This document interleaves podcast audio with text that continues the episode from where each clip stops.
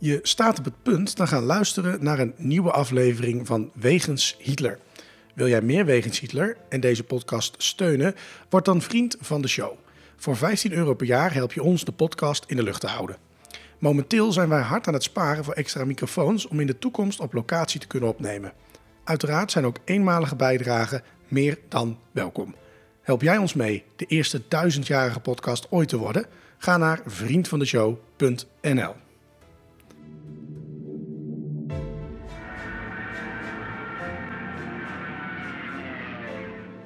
Wegens Hitler. De podcast over Adolf Hitler.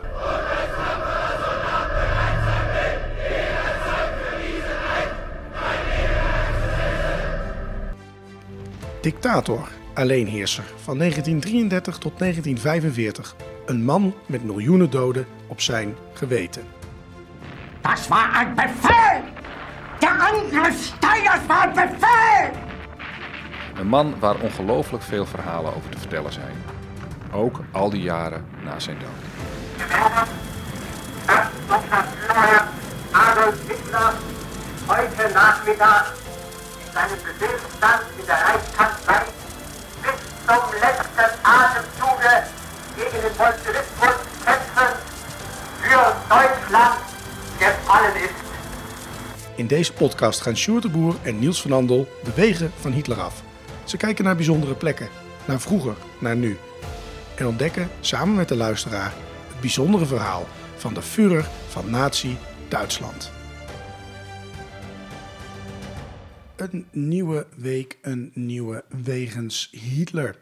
En ook deze week hebben we weer genoeg te bespreken, Sjoerd. We hebben er weer zin in. Absoluut. Ja, ik vooral, want volgende week ben ik op vakantie. Dus, maar dan hebben we wel een uitzending. Volgende week al? Ja, volgende week al. Oh. Ehm, eh, maar ik zorg dat er van tevoren eh, een uitzending eh, klaar staat. Dus eh, dan komt dat eh, vast helemaal goed. Eh, zodat de luisteraars daar in ieder geval geen last van hebben. Ehm, ja, nou ja, eh, het gaat goed met de vrienden van de show. We krijgen er steeds meer bij. Dus ben je dat nog niet, word het vooral. De reclame is ook weer verdwenen, begreep ik uit onze uitzendingen. Ja, hij was, was helemaal weg. Heb je hem nou helemaal uitgezet? Ah. Nee, ik, ik niet, maar ik denk dat, eh, dat, dat- Ik weet niet of ik het die verkeerd twee, heb twee gedaan. dubbeltjes die zijn wel welkom hoor. Ja, precies. Maar weet je, doen we het lekker zonder, joh. Prima. Redden we het ook wel mee. Jawel, jawel. Ja. Ehm, ja, nou ja, goed. Gaat dus allemaal goed. Eh, uitzendingen zijn weer goed bevallen. Mensen zijn blij dat we weer gewoon normaal opnemen. En daarom denk ik dat we maar snel gaan naar het eerste onderdeel. En dat is Hitlers dagboek.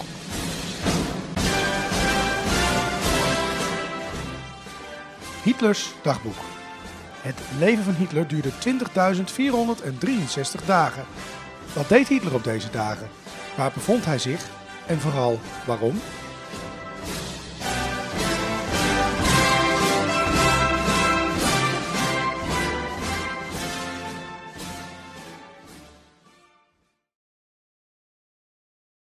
Ja, deze uitzending komt online op 11 september 1943 niet. Daar gaan we naartoe, maar wij zijn in 2023. Maar wij gaan naar 11 september 1943. Ah, je was op tijd. En ehm, eh, ja, Sjoerd, ik, ik ben enorm benieuwd wat er op die dag gebeurde met onze Führer. Nou, ik heb me een, slag in de ronde gezocht naar 11 september 9 en, of, en, en ik vond niet zoveel dingen. Ehm, dus ik dacht van wacht eens even, eh, in, in die periode in 43 zit hij wel eens eh, in de Wolfsjansen en wat doet hij dan zo'n dag? Nou, we hebben wel eens vaker een dag doorgelopen.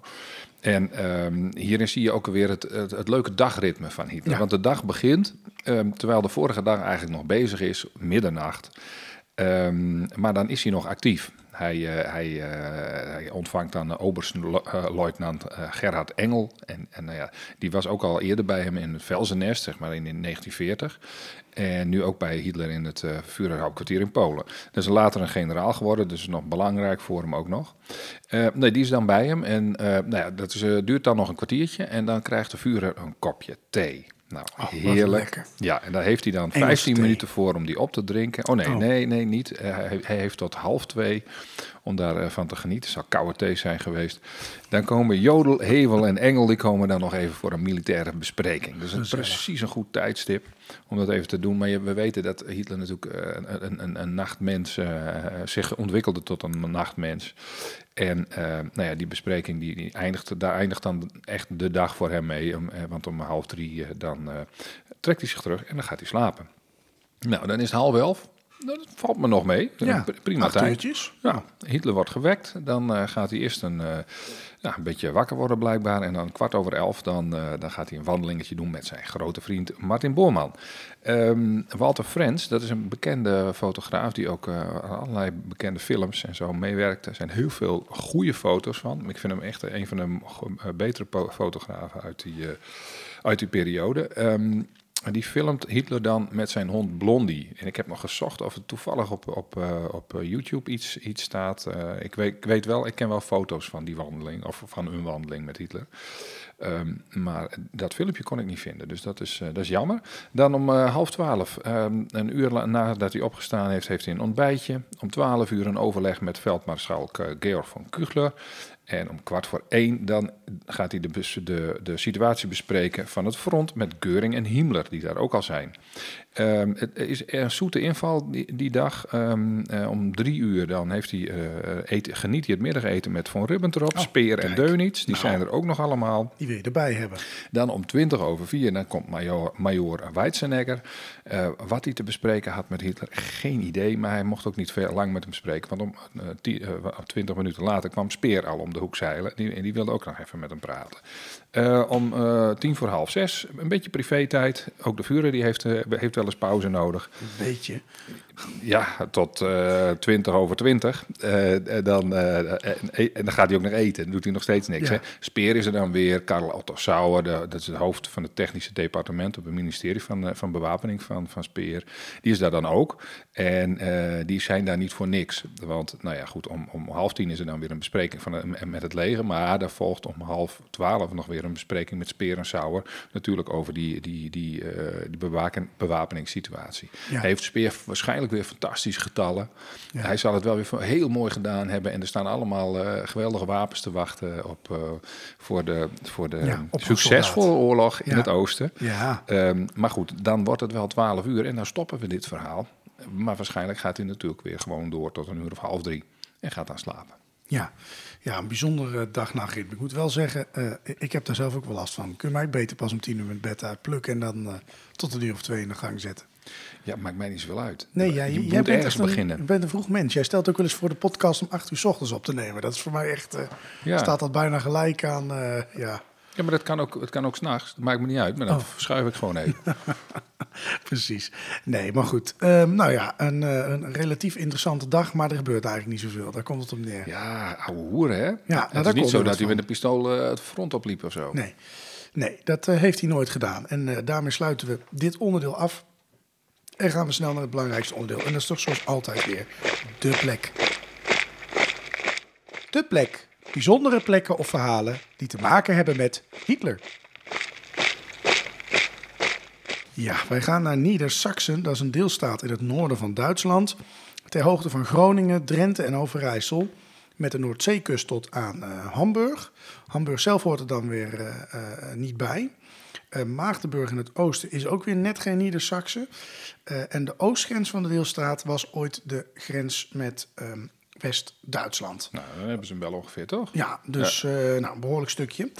We gaan een tochtje doen door de tijd en langs een paar plaatsen in Niedersachsen. Plaatsen waar Hitler ehm, ehm, nou ja, goed naartoe is geweest. Hè. Dat zijn er te veel voor één aflevering, dat is duidelijk. ja, want jij, ja. je- zei net, we spreken dit natuurlijk voor. Nou, eh, als we dit ehm, ehm, ehm, moeten doen in een aflevering met een uitzending van drie uur, dan moeten we niet doen. Nee. Ehm, dus we maken er twee van. We komen dus weer terug. Eh, Hitler die reisde, dat weten de luisteraars denk ik inmiddels wel, in de jaren 20 en 30 door heel Duitsland. Eh, hij hield overal toespraakjes, bezocht bijeenkomsten en ehm, ehm, ehm, sprak met mensen die voor hem belangrijk waren op dat moment. Jouw website, die moet toch ook even genoemd worden, de Hitler Pages, daar kun je op kijken voor eh, foto's. En ehm, ehm, ehm, nou ja, goed, eh, daar kun je dus ook de locaties eh, zien, eh, echt met je ogen die wij bespreken. Eh, in Niedersachsen beginnen in Bad Hazelburg. Harzburg. Harzburg. Ja. Dat is weer mijn fijne Duits. In de Ja, jaren help je 30. Eh, in dat bad was de plek waar in 1931 het Harzburger Fort, Harzburger Front plaatsvond. Eh, ja, de eerste vraag die ik dan heb, wat was dat voor front? Ja, ja, ja. Dat, ja, dat, dat is, een, is een soort poging van, van rechtse nationalisten om uh, verschillende rechtse bewegingen die, uh, die in het land waren, in, in de Republiek van Weimar heb je het dan over, in Duitsland, om die te verenigen. En dat was niet zomaar, want ze wilden namelijk president Paul, Paul van Hindenburg overhalen, kanselier Heinrich Brüning uit zijn ambt ontheffen. Kijk. En dat Harzburger Front kwam in oktober 1931 bijeen in het in dat kuuroord dus, Bad Harzburg. En dat heet nu uh, Nieder-Saxen. Nou, en, uh, toevallig is dat niet. Uh, en dat, daar zat namelijk een nazi, Dietrich Klaggers, die, die was in, in die regio en, en de deelstaat. onder de nazi's trouwens heette dat een, een gauw. Ja. Of een gauw dan in de Gauwleiter. Gauwleiter. dat was Speer of nee, die andere, die Goebbels was dat ook hè? Ja, van, van Berlijn dan. Ja, ja en, en nou goed, al die, en, en die, dat, dat matcht niet helemaal met de deelstaten zoals ze nu zijn natuurlijk. En daar, daar, daar zijn wat verschuivingen in geweest. Um, hij werd onder, onder, uh, onder Hitler dan benoemd tot minister van Binnenlandse Zaken. In, uh, zeg maar in, de, in die, uh, die was benoemd niet door Hitler, tot binnenlandse, minister van Binnenlandse Zaken in, in die gauw, in, in die deelstaat. Mm -hmm. Nou, daar had Hitler wel voor gezorgd. Want ik, ik gaf hem al iets te veel in, want hij was natuurlijk nog niet aan de macht. Want hij bemoeide zich met een of ander conflict dat er speelde. En dat viel natuurlijk uiteraard in het voordeel uit van die nazi Klagens als Hitler dus zich ermee gaat bemoeien. En mm -hmm. die werd toen minister.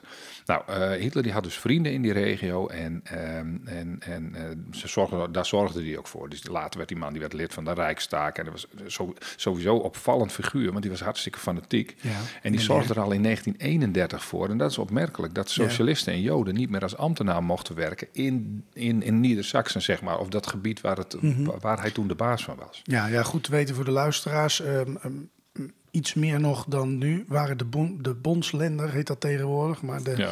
de deelstaten waren redelijk autonoom hè, binnen ja. dat land. Een ja. um, beetje met de Verenigde Staten, die kunnen ook hun eigen wetten nog in nee, de dan moet je, maken. Ja, zoiets, ja. ja. nou, een, een duidelijk een rechtse club, hè. Uh, die kwam daar uh, naartoe om iets tegen die uh, kanselier Bruning van Duitsland te doen, hè? Ja, ja dat, was het, dat was inderdaad het verhaal. Ik ben een beetje een zijpaadje opgewandeld, maar ehm, die Bruning die zou volgens uiterst recht steeds meer sociale princi principes overnemen, overnemen van, van nou, wie dan ook, hè, die maar, maar tegenkwam. Mm -hmm. Hij werd bolsjevist genoemd, on-Duits. Um, nou ja, dat is natuurlijk, dat valt bij Hitler ook niet goed. Maar dat gebeurde dus in al die verschillende rechtse of nationalistische partijen. Uh, hij duwde Duitsland, uh, Bruning dan, hè, volgens de Rijken, veel te ver weg van het kapitalisme ook. Want er zitten natuurlijk ook nog weer conservatieve krachten in die heel veel grond bezitten. Nou, dan heb je het over mannen als, ja, je moet ze maar eens een keer googlen. Alfred uh, Hugenberg, Frits Thijssen en uh, Frans uh. Dat zijn hele, nou ja, dat zijn rijke gasten die daar ook lid waren van dat Hartsburger Front. En die hadden flink veel geld en daar konden ze ook gewoon politieke invloed mee kopen. En met een beetje druk konden ze ook politici van Weimar uit hun ambt laten zetten. Dus nou ja. En, nou, bijzonder, dat kan nu niet meer.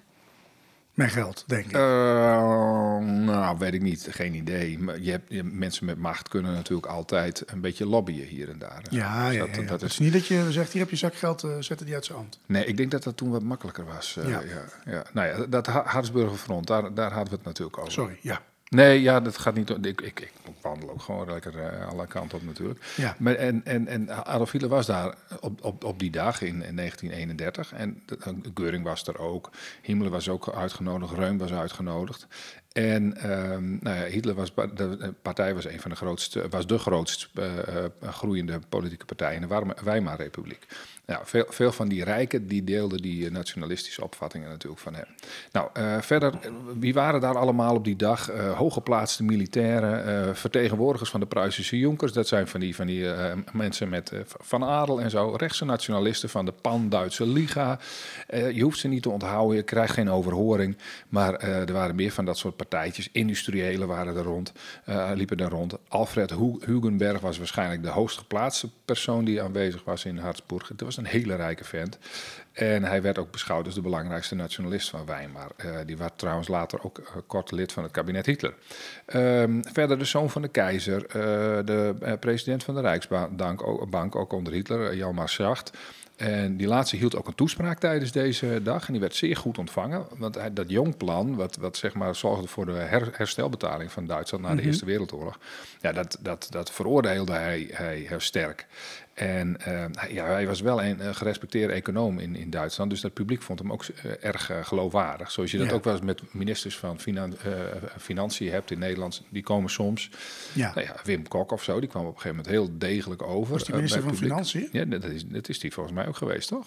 Ik dacht dat hij premier is geweest. Ja, ook nog, ook nog. Maar volgens Nou, mij, ik, ik, ja, ik moet eerlijk zeggen, dat is wel ver voor mijn tijd. Ik dacht onder. eh, nou, als, als het fout is, dan eh, schieten ze me wel uit de boom. Dat, dat is- ja, dat zal wel. Ehm, Vind jij Kaag ik hou ook... ook. Nee, nee. Ik doe daar geen uitspraak nee, over. precies. Die, die leeft nog.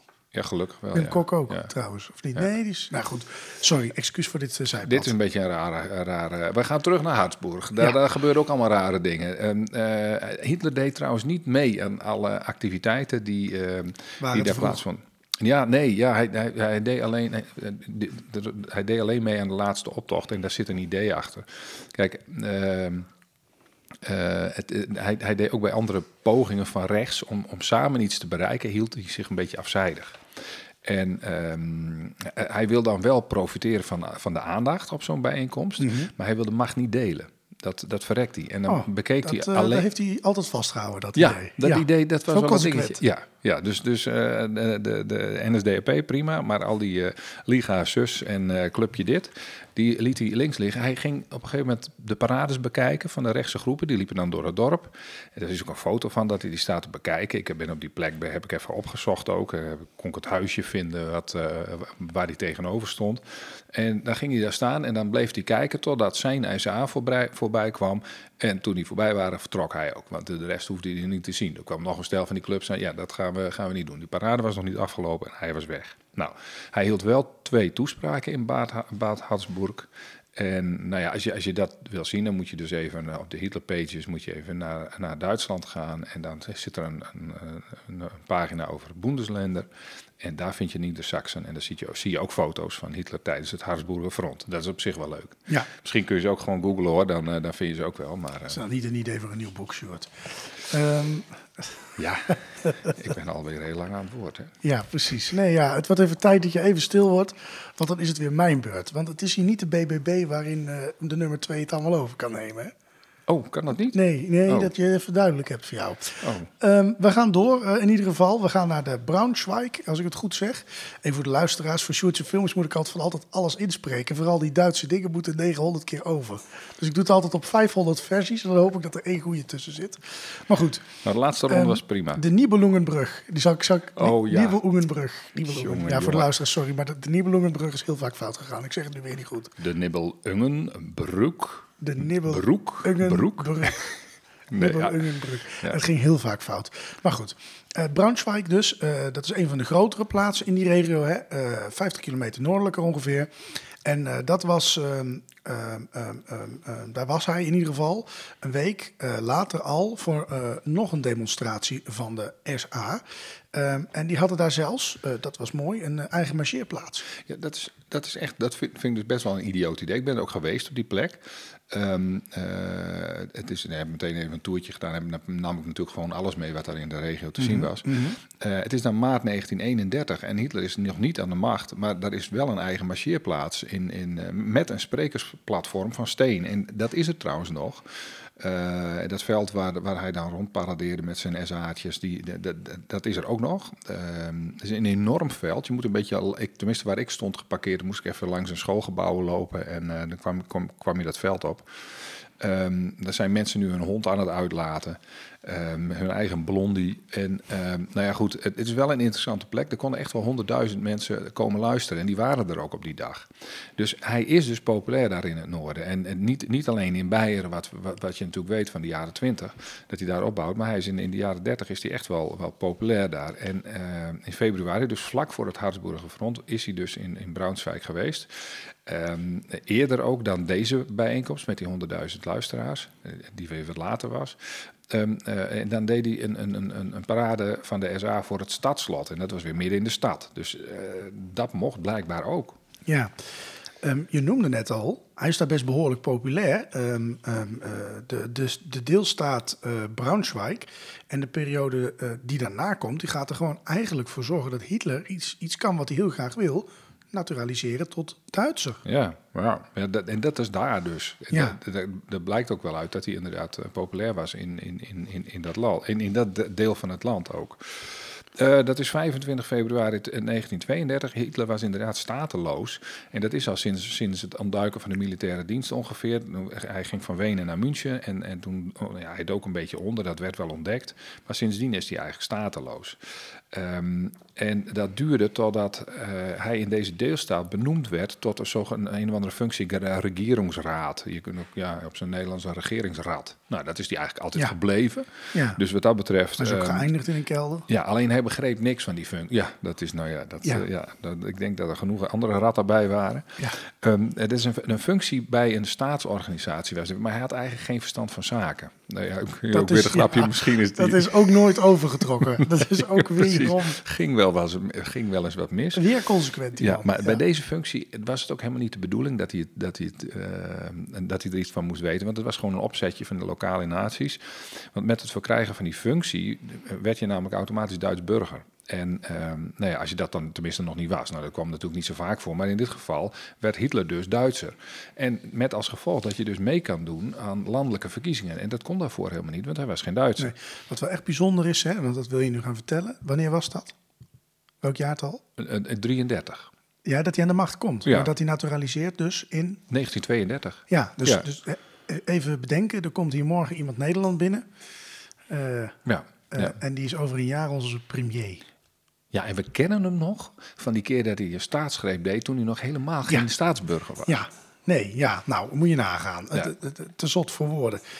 Ehm, ehm, maar goed, ehm, hij kwam daar dus in dat Braunschweig. en, heeft daar dus veel aan te danken. Mhm. Maar een paar jaar later, toen meneer inmiddels de baas was, rijkskanselier, hè, of, of gewoon de en rijkspresident, hè, was het allebei.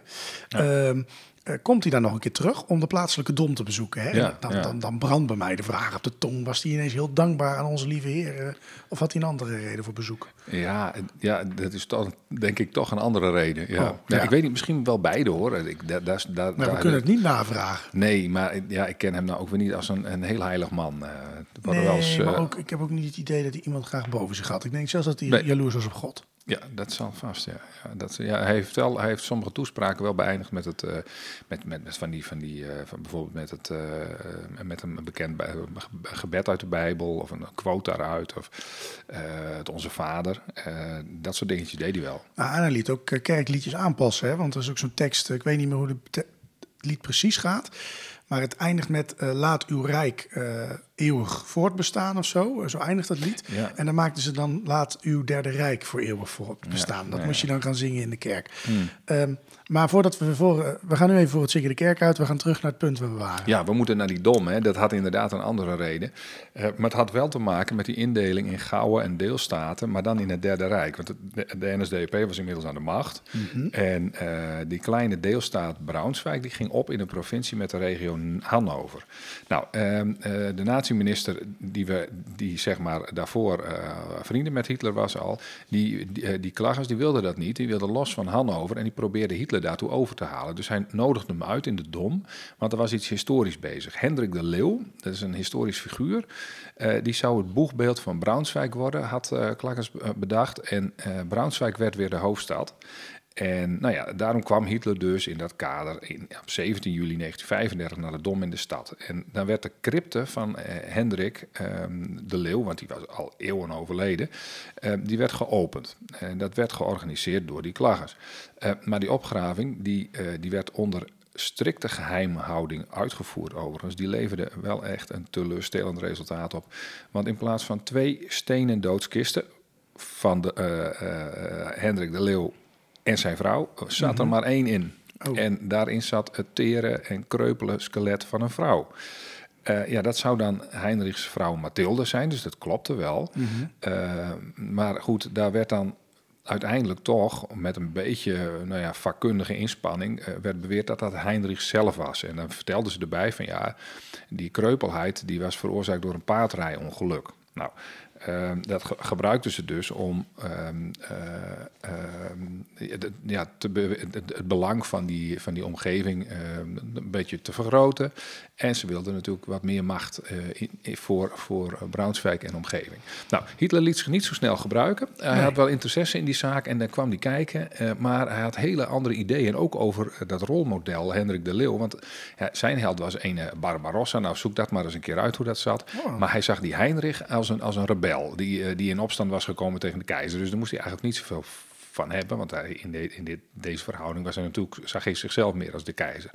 Nou, dat plan van die klagers mislukt dus. En de legende van die kleine kreupele Hendrik de Leeuw bleef alleen daarna hard, hardnekkig zeg maar, bestaan. En ehm, eh, er, eh, er schijnt inmiddels geen twijfel trouwens over te zijn dat, eh, dat volgens een professor tenminste, dat die botten in de kat- kathedraal van Brunswijk, dat, dat die van een vrouw waren. En dat dat, dat Mathilde moet zijn geweest. Maar een antropoloog uit Brunswijk, die twijfelt er nog wel aan of het, of het zeg maar om bewust bedrog ging. Eh, ze denken dat het ook wel eens een grote vergissing kan zijn geweest. eh, omdat ze de botten dan aan een verkeerde specialist hebben laten zien. Die, die eh, nou genoemd wordt de directeur, een beroemde directeur van de Keizer Wilhelm Instituut in Berlijn. Dat is een, een, professor Fischer. Ja, echt zo'n rassenfanaat, nazi, die inmiddels een berucht figuur is. Mensen die hem kennen, die weten dat hij de man was achter de nationaal-socialistische rassenhygiëne. Uh, hij was volledig ongeschikt als getuigendeskundige alleen. Dat was het, hij wist niet zoveel van, van, van skeletten en, en dat soort dingen. Uh, dus of dat nou echt een opzettelijk complot was om, om, om Hitler uh, nou ja, uh, in het ootje te nemen... of in ieder geval wat meer macht voor zichzelf te krijgen daar in die regio... dat, dat weten we niet. Het kan ook een verkeerde inschatting zijn geweest... uh, van iemand die eigenlijk helemaal geen specialist was. Nou is ehm, Hitler in 1930 ook wel eens naar die stad uh, geweest. Uh, met iemand die voor hem ook wel, en de nazi's eigenlijk, een, een symbolische waarde had. Een uh, officier uit de Eerste Wereldoorlog, hè? Ja, ja dat is dan weer, de, we, we, we, we, switchen een beetje heen, heen en weer. Maar als je dan, dan toch in die, in die, in die stad bent, ga dan mm -hmm. ook even naar, uh, naar de begraafplaats. Kijk, de, de nazi's associëren zichzelf heel graag met, met helden uit, uit de Eerste Wereldoorlog. Het ging hier om Karel Dinklage, een luchtwaffenofficier. denk aan von Richthoven, dat is er ook zo een, zo'n overleden held waar de nazi's ook mee koketteerden. En Herman Geuring, die natuurlijk nog wel leefde, maar die was, dat was ook best wel een, een heldhaftig figuur in de Eerste Wereldoorlog. Nou, die Dinklager die, die uh, overleed op 7 november 1930. En dat was een uh, functionaris van de Duitse Nazi-partij en een obervuurder van de Sturmabteilung.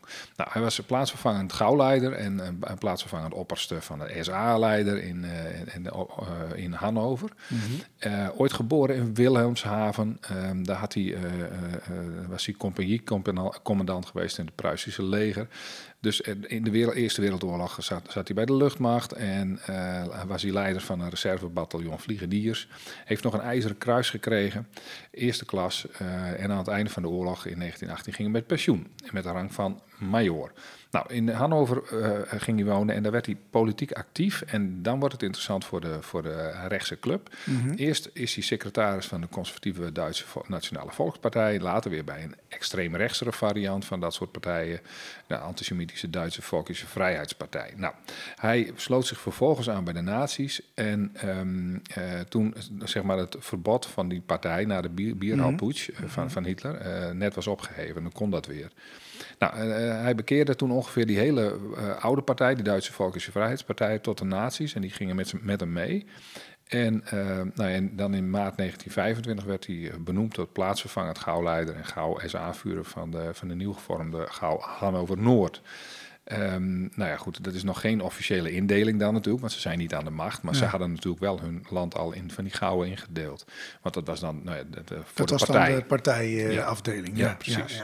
Nou ja, uh, Hitler die, uh, uh, die ging deelnemen aan die verkiezingen. En, en in die tijd ging die Dinklagen enorm in, zijn voordeel spreken in die hele gauw. Dus dat heeft ook weer met die populariteit van, van Hitler te maken daar. Hij stond bekend als de rug, rugzak. De rugzak, ja, uh, rugzakmajor. Uh, omdat hij vaak op de fiets van dorp naar dorp reisde. Dat vond ik wel een leuk detail. En daar hield hij dan toespraken. Dan plakte hij s'morgens een paar postertjes op. En dan ging hij de hele dag een beetje om met de plaatselijke bevolking. Waarschijnlijk heel sympathiek en aardig doend. En dan s'avonds hield hij een toespraak in de dorpskroeg. En dan ging hij de volgende dag naar het volgende dorp. Nou, het is wel een pittige periode geweest in 1927. Toen was er wat kritiek op Hitler in zijn gauw. Er werd uh, ja, Erich Ludendorff werd zelfs naar voren geschoven als de grote man. Maar Dinklager bleef altijd loyaal aan Hitler. En nou ja, dus alleen één ding, die overwinning van Hitler zou hij nooit meemaken. Want in het begin van 1930 kreeg hij een longontsteking. Zou misschien het gevolg zijn geweest van fietsen in guur winterweer. Hij was maanden onder behandeling, maar hij overleed op 7 oktober 1930. En de urn met zijn as werd begraven in het bijzijn van Adolf Hitler. Die sprak op zijn begrafenis op 18 oktober op het Hauptfriedhof Braunschweig. En dat is een hele grote uh, hoofdbegraafplaats in de stad. Er zijn foto's van en die staan ook op uh, de Hitlerpages. Dan zie je Hitler voor het hoofdgebouw van die begraafplaats staan. En daar is hij dus om deze man te begraven. En uh, nou ja, goed, uh, kijk even op de foto. En als je in de buurt bent, je kunt niet om het gebouw heen. Ik heb nog gezocht naar het graf van Dinklager. Ik heb het toen niet kunnen vinden. Ik had een beetje haast en dat is achteraf, en baal ik er altijd van. Even een half uurtje doorzoeken en even vragen, dan, dan weet je het vaak, dan kun je hem vaak wel vinden. Maar nou, misschien weet een luisteraar, als die in de buurt is, kan dus even kijken. Ehm, nou ja, goed. het verhaal van Dinklager. Ja, um, als laatste voor eh, de plek gaan we naar eh, de Bukenberg in Niedersachsen. Uh, dat was een belangrijke heuvel hè, in de nazi-agenda, waar jaarlijks het Oostfeest werd gehouden. Daar hebben we ook wel eens een uh, special over gemaakt, ja, dus die kun je ja. nog terugluisteren. Of een reguliere uitzending, ik weet het eigenlijk niet meer. Uh, het is al, ik denk al ruim een jaar of anderhalf geleden, dus het kan wel weer een keer. Uh, en daarbij stonden, en in deze verkiezingstijd toch niet verkeerd, de boeren en de landbouw centraal. Ja, dat is echt. Uh, ja, ik ga natuurlijk uh, niks zeggen over de BBB in dit geval. Het ga ik geen enkele vergelijking trekken. zou ik onterecht zijn trouwens. Maar ja, ja goed, bij onze verkiezingen spelen ze ook even een rol. Maar goed, dit, is een hele, dit was echt gekoketteerd met boeren en, en landbouw. Uh, op een manier die meer doet denken aan uh, wat er gaande is, uh, wat, wat, de visie is zeg maar, van de Duitsers van toen, als het ging om autarkie en het, het, bezitten van Oekraïne en dat gesodemieten wat daar gaande is. Want mm -hmm. dat, dat, is misschien nog wel een vergelijking die, die je kan treffen, trekken. Um, ik, ik heb het wat kort gehouden over, over die, die Bukenberg, want daar, daar is dus al een special over. Maar zeg maar van 1933 tot 37 voor nu vonden op die heuvel allerlei bijeenkomsten plaats. Er kwamen heel veel mensen op af, altijd in september en oktober. Nou, Albert Speer bouwde daarom op, de, op, op een lege heuvel tussen de landbouwgrond een, een plek waar je vanaf je kon spreken. Um, en, en, er was een stenen trap de heuvel op. En van die trap, uh, via die trap ging Hitler dan omhoog. En dan was hij omringd door allemaal juichende mensen. Er zijn hele bekende foto's van. Uh, allemaal vlaggen en allemaal mensen om hem heen. En hij loopt dan een trap omhoog. Nou, dat, dat moet dan de Bukenberg wel ongeveer zijn. Um, opvallend is dat de oogstfeesten stoppen vlak voor het oogstfeest van 1938. En dat had dan te maken met dat die trein nodig was om, uh, om, om, de mogelijke strijd in Tsjechië. Um, uh, omdat er dan troepen zeg maar, naar de Tsjechische grens werden gebracht door ja. die trein. Nou ja, die dan plaats zou vinden. Nou, een, een andere plaats om te bezoeken in die regio is de plaats Goslar. Um, dat is daar ook vlak in de buurt. Dat heeft ook te maken met het oogstfeest. Want als Hitler daar dan was, dan ging hij ook even bij Goslar langs. En dan had hij een, een bijeenkomst uh, in de Keizerpfalz. Dat is een gebouw. En dus uh, nou, daar vond dan die bijeenkomst plaats. En, en, dat is niet zomaar een gebouw. Dat is namelijk een, een verblijfplaats van keizers uit het Heilige Roomse Rijk. En daar viel Duitsland ook onder. En het is eigenlijk het grootste wereldlijke gebouw uit de 11e eeuw in Duitsland. En dat nog intact is. Dat is dus zeg maar een gebouw met, met uitzondering van kerken, want daar zijn er nog een heleboel van. Mm -hmm. Nou, het is onderdeel van een mooie historische binnenstad. is ook echt leuk om, om, om, even te gaan kijken. En het staat op de werelderfgoedlijst van UNESCO. En het grenst zeg maar aan het Hartsgebergte, wat ook een leuke regio is om gewoon uh, vakantie te houden. Ja, een uh, symbolische keuze kunnen we wel zeggen. Hè? Het roemrijke Duitse verleden. En dat is geen toeval. Um, Hitler tussen de oude Duitse keizers en tussen zijn, ja, zijn mensen, de boeren. Ja. Uh, hiermee sluiten we in ieder geval voor nu de plek even af.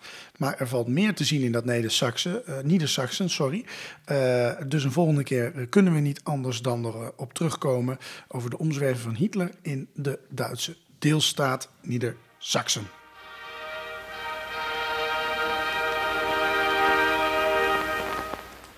Het Nazi-journaal. Bijna dagelijks is er nog wel iets te vinden over Hitler. Hij is in het nieuws, er is een stuk in de krant, een tweet, een interview of een nieuw boek. We bespreken het in het Nazi-journaal.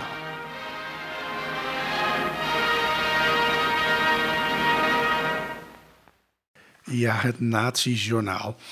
Ehm, ja, we hebben weer wat, eh, wat nieuwtjes eh, bij elkaar verzameld. Die eerste is heel leuk en meteen deprimerend voor mij. Het gaat om een Friese militaire beurs. Die is op 24 september 2023 vindt die plaats op het Klaverdijkje 73 in het mooie Leeuwarden. Kalverdijkje, pas op. Oh, pas op. Kalverdijkje. Ja, nee, dan rij je naar de verkeerde straat. Oh ja, maar gelukkig is Leeuwarden niet zo groot.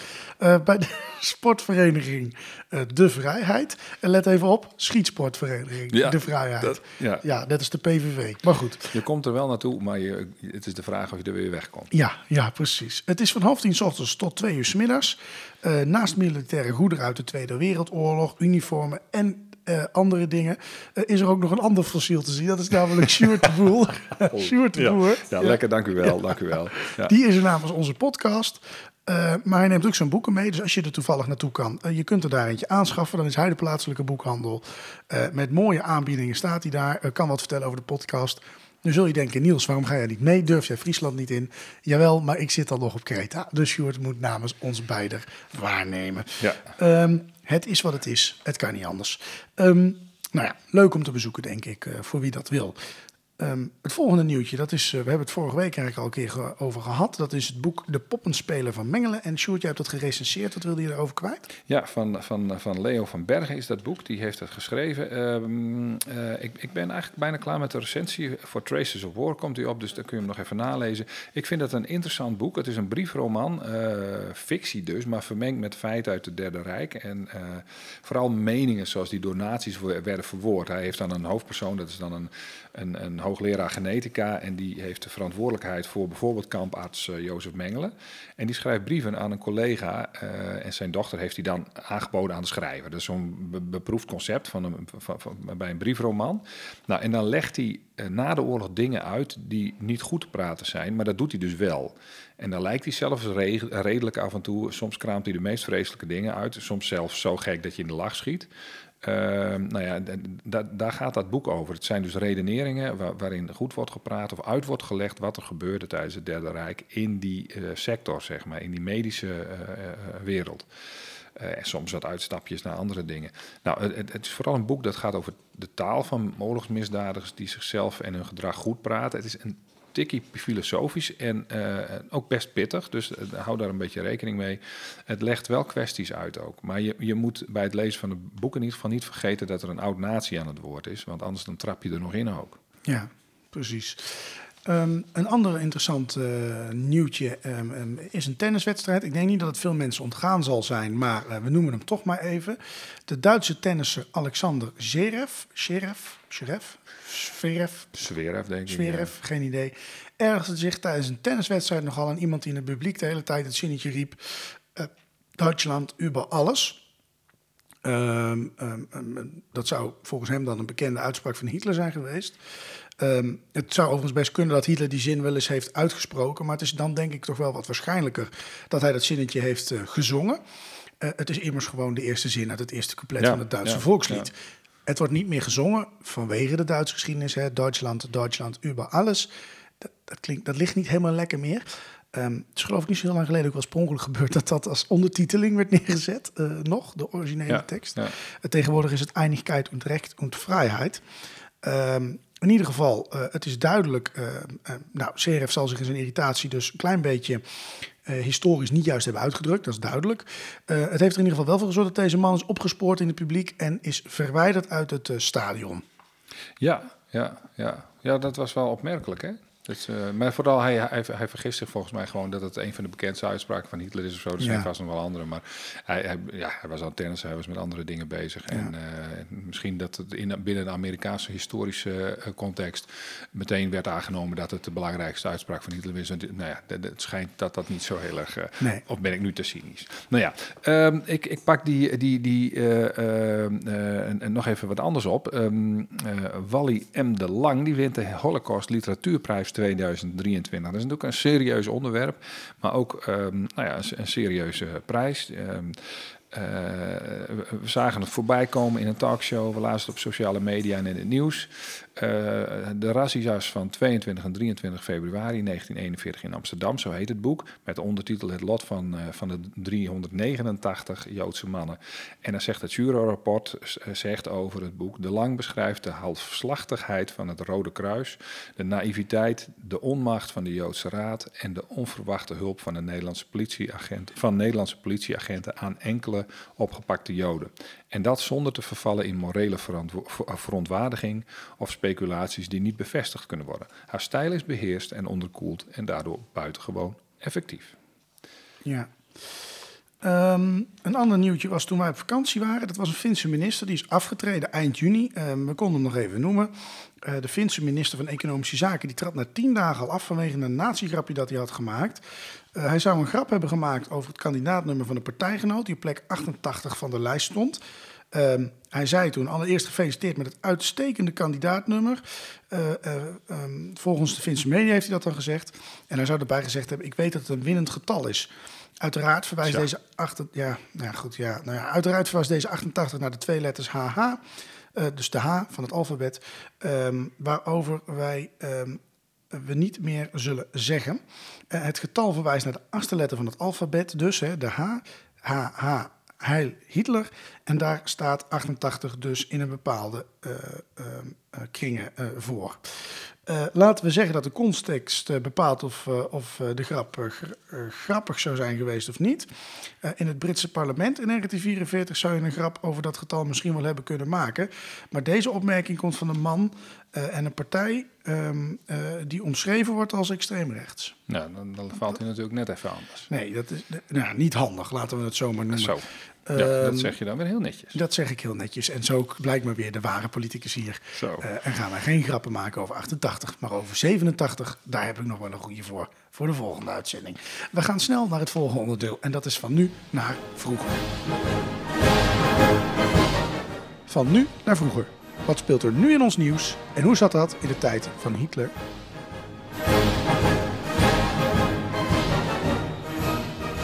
Van nu naar vroeger. Het wordt hoog tijd dat we het weer eens gaan hebben over Oekraïne. Het zal niet uh, ontgaan zijn aan de luisteraars dat de graandeal met Rusland en Oekraïne vervallen is. Mm -hmm. uh, daar betalen we allemaal weer aan mee, maar misschien nog wel erger. Uh, wij hebben graan zat, maar nou ja, arme delen van de wereld hebben het best ja. moeilijk ja. als gevolg daarvan. Oekraïne wordt gezien als de graanschuur van Europa. Dat was ook al in de tijd van Hitler zo. Hè? Um, um, maar nu blokkeert Rusland de uitvoer van dat graan, dus van het voedsel voor de wereld. Mm -hmm, mm -hmm. Uh, nou, dat moest ons er een beetje aan denken van, we moeten even terug in de tijd van, hoe zit, dat zit nu zo, en ik noem stiekem al in de tijd van Hitler was dat ook al zo, hoe zat dat toen? Uh, nou, de Oekraïne was ook toen al een belangrijke graanexporteur. Als je het boek um, hebt gelezen over de Oekraïne tussen Hitler en Stalin, het heet anders. Uh, ik kom even niet op jouw titel. Er is een boek waarin die twee uh, gebieden... Bloedlanden? Bloedlanden, dankjewel. Ja. Daar, daar, lees je ook over de verschrikkingen die daar plaatsvinden... om maar graanproductie te krijgen. Mm -hmm. uh, begin van de Sovjet-Unie, graanproductie stort in. Dat komt omdat ze het privatiseren, afschaffen en het van de staat maken. Ja, en als ik toch een altijd iets krijg, waarom zou ik dan hard werken? Hè? Dat is een beetje even platgeslagen de kapitalistische view op het Sovjet Sovjetrijk. Wat, wat ook wel blijkt te kloppen overigens, in dit geval. Mm -hmm. Maar goed. Um, graanschuur dus. Uh, op een gegeven moment gebeurt er iets bijzonders. Um, iets bijzonders. Uh, Hitler krijgt het in zijn hoofd, ik moet Rusland hebben. Hij heeft namelijk een groot probleem, geen olie en geen grondstoffen. Um, die grondstoffen die gaat hij uh, dan maar halen en hij valt met Duitsland de Sovjet-Unie binnen. Uh, Stalin is duidelijk, er mag geen graan, olie of andere grondstoffen in de handen vallen van de Duitsers die de Oekraïne binnentrokken, hè, Sjoerd. Die Stalin, hè, op een gegeven moment weten we dat hij dat doet, die geloofde het eerst niet, hè? Nee, nee, volgens mij niet. Nee, wat ik van begrijp is dat hij, dat hij uh, toen de berichten binnenkwamen, dat hij zei van ja, ja die man is druk bezig met Groot-Brittannië. Dat had hij, had hij eigenlijk niet verwacht. Hij negeerde zeg maar waarschuwing vooraf vooral. Hè, dat, en, en, en zelfs de eerste gevechten heeft hij schijnbaar een beetje genegeerd. Dus, maar ja, toen, toen hij het natuurlijk eindelijk uh, inzag, toen, toen moest hij wel het een en ander uh, doen om, om, om, om nou ja, in te grijpen. Er moest nog wel wat gebeuren. Ja, um, nou, hij ging natuurlijk ingrijpen. Arbeiders moesten verhuisd worden, hele fabrieken werden verplaatst. Maar ook technici, maar ook graan, olie en zo moesten snel mogelijk naar het oosten en wegkomen daar. Um, um, dat deed hij dus ook. Ehm, die druk die leidde er onder andere wel toe. Dat ging heel snel. Die Duitsers rukte in het begin echt als een gek op. Dat rukte er onder andere leidde dat er toen het energiecentrale in Kiev werd opgeblazen. Alle etenswaren in rivieren werden gegooid. Eén ding was heel belangrijk. Het mocht niet in de handen van de vijand vallen. Ehm, dat gold, uiteindelijk ook voor materieel en vervoersmiddelen uh, en benzine natuurlijk. En ze waren uh, te laat uh, begonnen met de evacuatie en de verplaatsing van spullen. Want ehm, ze hadden nog wel hoop de Duitsers tegen te houden, maar dat ging compleet mis in dat eerste ja, ja, half jaar. Die, die, Eigenlijk pas bij Moskou lukt het om ze te remmen. Ja. Ehm, nou, wat, wat laat dat nu zien ehm, van vroeger ook, en eigenlijk wat je nu ook ziet. eh, die, die Russen gunnen een ander niks. Nou snap ik het in dit geval nog wel, maar Jawel, natuurlijk. Ja, eh, ja, ja. in de huidige situatie... En dat zo- hele gevecht om, om dat gebied, dat, dat weer eh, ontstaan is, dat... Ja, ja, ja. Het, het heeft voor Oekraïne nogal wat gevolgen en voor de mensen die daar wonen. Ja, en zo zie je maar dat dat land dat ja, al meerdere keren vernietigd is, zo altijd het middelpunt blijft weer van een nieuwe vernietigingsstrijd. En ja, dat is voor een burgerbevolking natuurlijk verschrikkelijk. Want die hadden het ehm, nou ja, niet goed onder de Russen toen. En nu blijkt achterlijk opnieuw hetzelfde. En daarmee komen we aan het einde van deze uitzending van Wegens Hitler, waarin we een hele hoop hebben besproken en we wat weten over Hitler in zijn deelstaten. De volgende keer gaan we verder met onze reis door Nieder-Saxen.